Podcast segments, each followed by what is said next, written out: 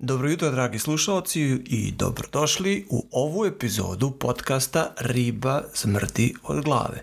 U ovoj epizodi vam otkrivam tajnu zašto se ovaj podcast zove Riba smrdi od glave.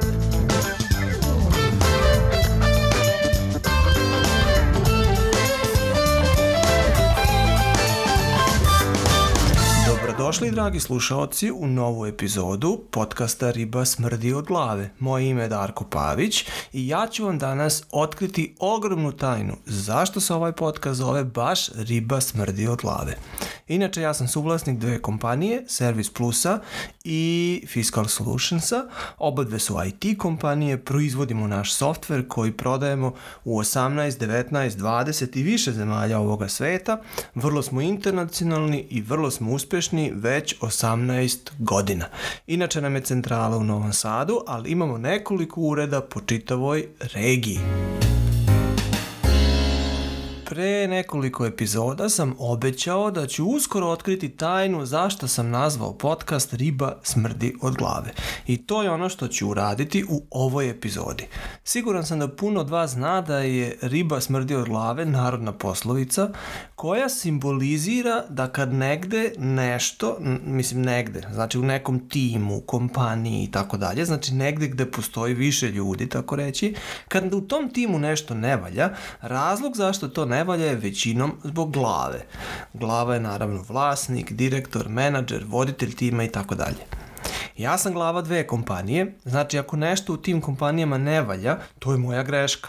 Naravno, ja snosim odgovornost za te dve kompanije, ja sam ih organizovao da budu takve kakve jesu, ja sam definisao i još uvek definišem smer u kome te kompanije idu. Znači, ako nešto ne valja, onda je to sigurno zbog moje strategiške odluke ili zbog toga što sam nešto postavio na krive noge. To je sve okej okay i siguran sam da se sa tim svi slažemo. Problem i nerazumevanje nastaje kad se počne razmišljati o podnavodnicima smradu, znači onome što ne valja u nekom timu, kompaniji i tako dalje. Postavlja se pitanje ko odlučuje u principu šta ne valja, odnosno čija perspektiva je ispravna i čija perspektiva opisuje na pravi način smrad ono što meni ne valja, ne znači da je nekom drugom ne valja. Nešto što meni užasno smrdi, pod navodnicima, je za nekog drugog predivan mio miris.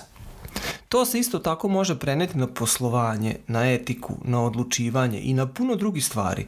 Odluke koje sam ja doneo su iz mog ugla gledanja ispravne i u tom momentu su bile najbolje koje sam mogao da donesem i trebao da donesem sa aspekta nekog drugog su možda to bile pogrešne odluke. Šta to sad znači? Da li ta situacija smrdi ili ona ne smrdi?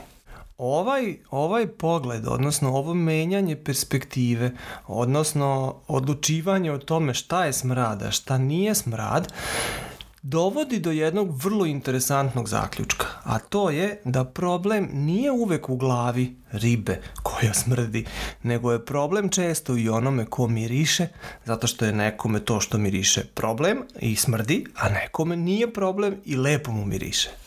Ovo se može još bolje i direktnije preneti na situaciju sa radnicima u jednoj kompaniji. Često je tako da radnik stvara svoje mišljenje o nečemu u kompaniji na osnovu informacija koje ima u tom momentu. Te informacije su često nedovoljne ili površne, odnosno filtrirane na neki način, pa je time i rizik da će mišljenje tog radnika biti pogrešno prilično velik. To je sasvim normalna situacija i normalno je da ne svako u kompaniji ima sve informacije, odnosno svaki deo kompanije, svaki tim u kompanije dobiva informacije, vlada informacija koje su važne naravno za njegov tim. Neke globalne informacije ima naravno svako, ali detaljne informacije e, imaju samo onoliko koliko je važno za njihov tim. Posao menadžmenta nije da svakog informiše o svemu. To jednostavno nije moguće, a i nema smisla i u nekim situacijama bi to čak proizvelo i velike probleme. Ali je zadatak menadžmenta svakako da se pobrine da radnici ne stvore pogrešna mišljenja zato što nemaju sve informacije, na primjer.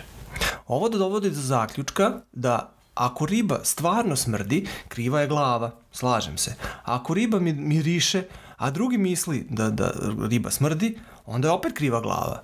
Znači, kako god okrenuli, odgovornost je kod menadžmenta. E, to je upravo razlog zašto je podcast dobio ime e, Riba smrdi od glave. Na prvi pogled ime podcasta stvara u glavi slušaoca misao da istina je, management je uvijek kriv za sve što se događa u kompaniji. U ovom slučaju glava kompanije je Darko. Darko je kriv za sve, ako riba smrdi. A onda kad se čuje priča i objašnjenje menadžmenta, mora čovjek da se zamisli malo i da prepozna da to možda i nije tako. Da je problem možda i u onome ko miriše ribu. Jes jeste management odgovoran za sve i jeste management odgovoran za efekte u glavi onoga ko miriše, naravno, ali nije isključivo njegova odgovornost, odgovornosti i onoga ko miriše ribu. Da bi ovakav tok misli bio moguć, sve teme koje obrađujem u ovom podcastu obrađujem vrlo iskreno i vrlo transparentno to se možda neće vide, svideti svima, zato što su neke istine bolne, možda za neke druge kompanije koje pokušavaju nešto da sakriju, a ja ovde to na neki način otkrivam, tako reći, ili možda za neke kolege radnike u mojim kompanijama koje su nešto idealizovali i misli da je drugčije, pa im se sad odjednom ovaj, realnost prikaže pred očima. Uh, Eh, ali će se na drugoj, na, na drugoj strani ovaj podcast videti svima onima koji cene iskrenost i koji žele da vide koji je to mentalitet kompanije, koje su to odgovornosti koje menadžment u kompaniji snosi i želi da snosi i kako diše ova kompanija na kraju krajeva.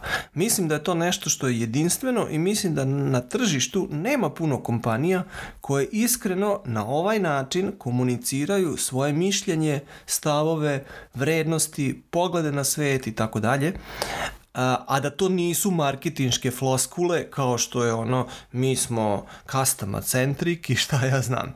Nekad jesmo, nekad nismo, ali mi imamo probleme kad ustanemo i mi idemo u WC svako jutro kad ustanemo. Ok, znači šta je moj cilj ovog podcasta? Moj cilj je da pokažem u principu šta management, u ovom slučaju ja, stvarno misli o svemu. Šta ja, zašto sam stvarno uradio neke stvari, zašto sam doneo odluke neke tako kako sam i doneo, koju svrhu ja vidim u tome, nevezano za to da li je odluka ispravna bila ili ne, ona je takva, ja sam je doneo i konsekvence, odnosno posledice su naravno te koje jesu.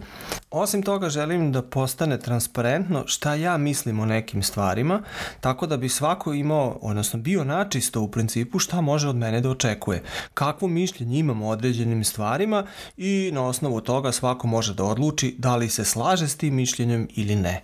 Na kraju čitav podcast treba da pomogne svim sadašnjim kolegama, budućim kolegama, potencijalnim kolegama, novim kolegama i tako dalje, da analiziraju i spoznaju da li su ove dve kompanije, Fiscal Solutions i Service Plus, nešto što je njima ok ili ne. Ako je ok, super i dobrodošli su u tim, ako nije ok, opet super, možemo popiti kafu i družiti se, ali poslovno nećemo surađivati, što je sasvim ok i normalno. I moram da dodam, podcast ima još jedan cilj, a to je obuka kolega iz marketinga i prodaje. Ja sam inače strastven što se tiče marketinga i strastven što se tiče prodaje i želim da pomognem svojim kolegama koji su uh, deo mog tima u smislu marketinga i prodaje, da oni budu još uspešniji i još bolji, a mislim da su im određene informacije koje mogu da im prenesem uh, zlata vredne i da mogu da im dovedu dovedu, da ih dovedu do još većih uspeha. Nadam se da sam vam uspeo predočiti razloge zašto sam nazvao podcast Riba smrdi od glave.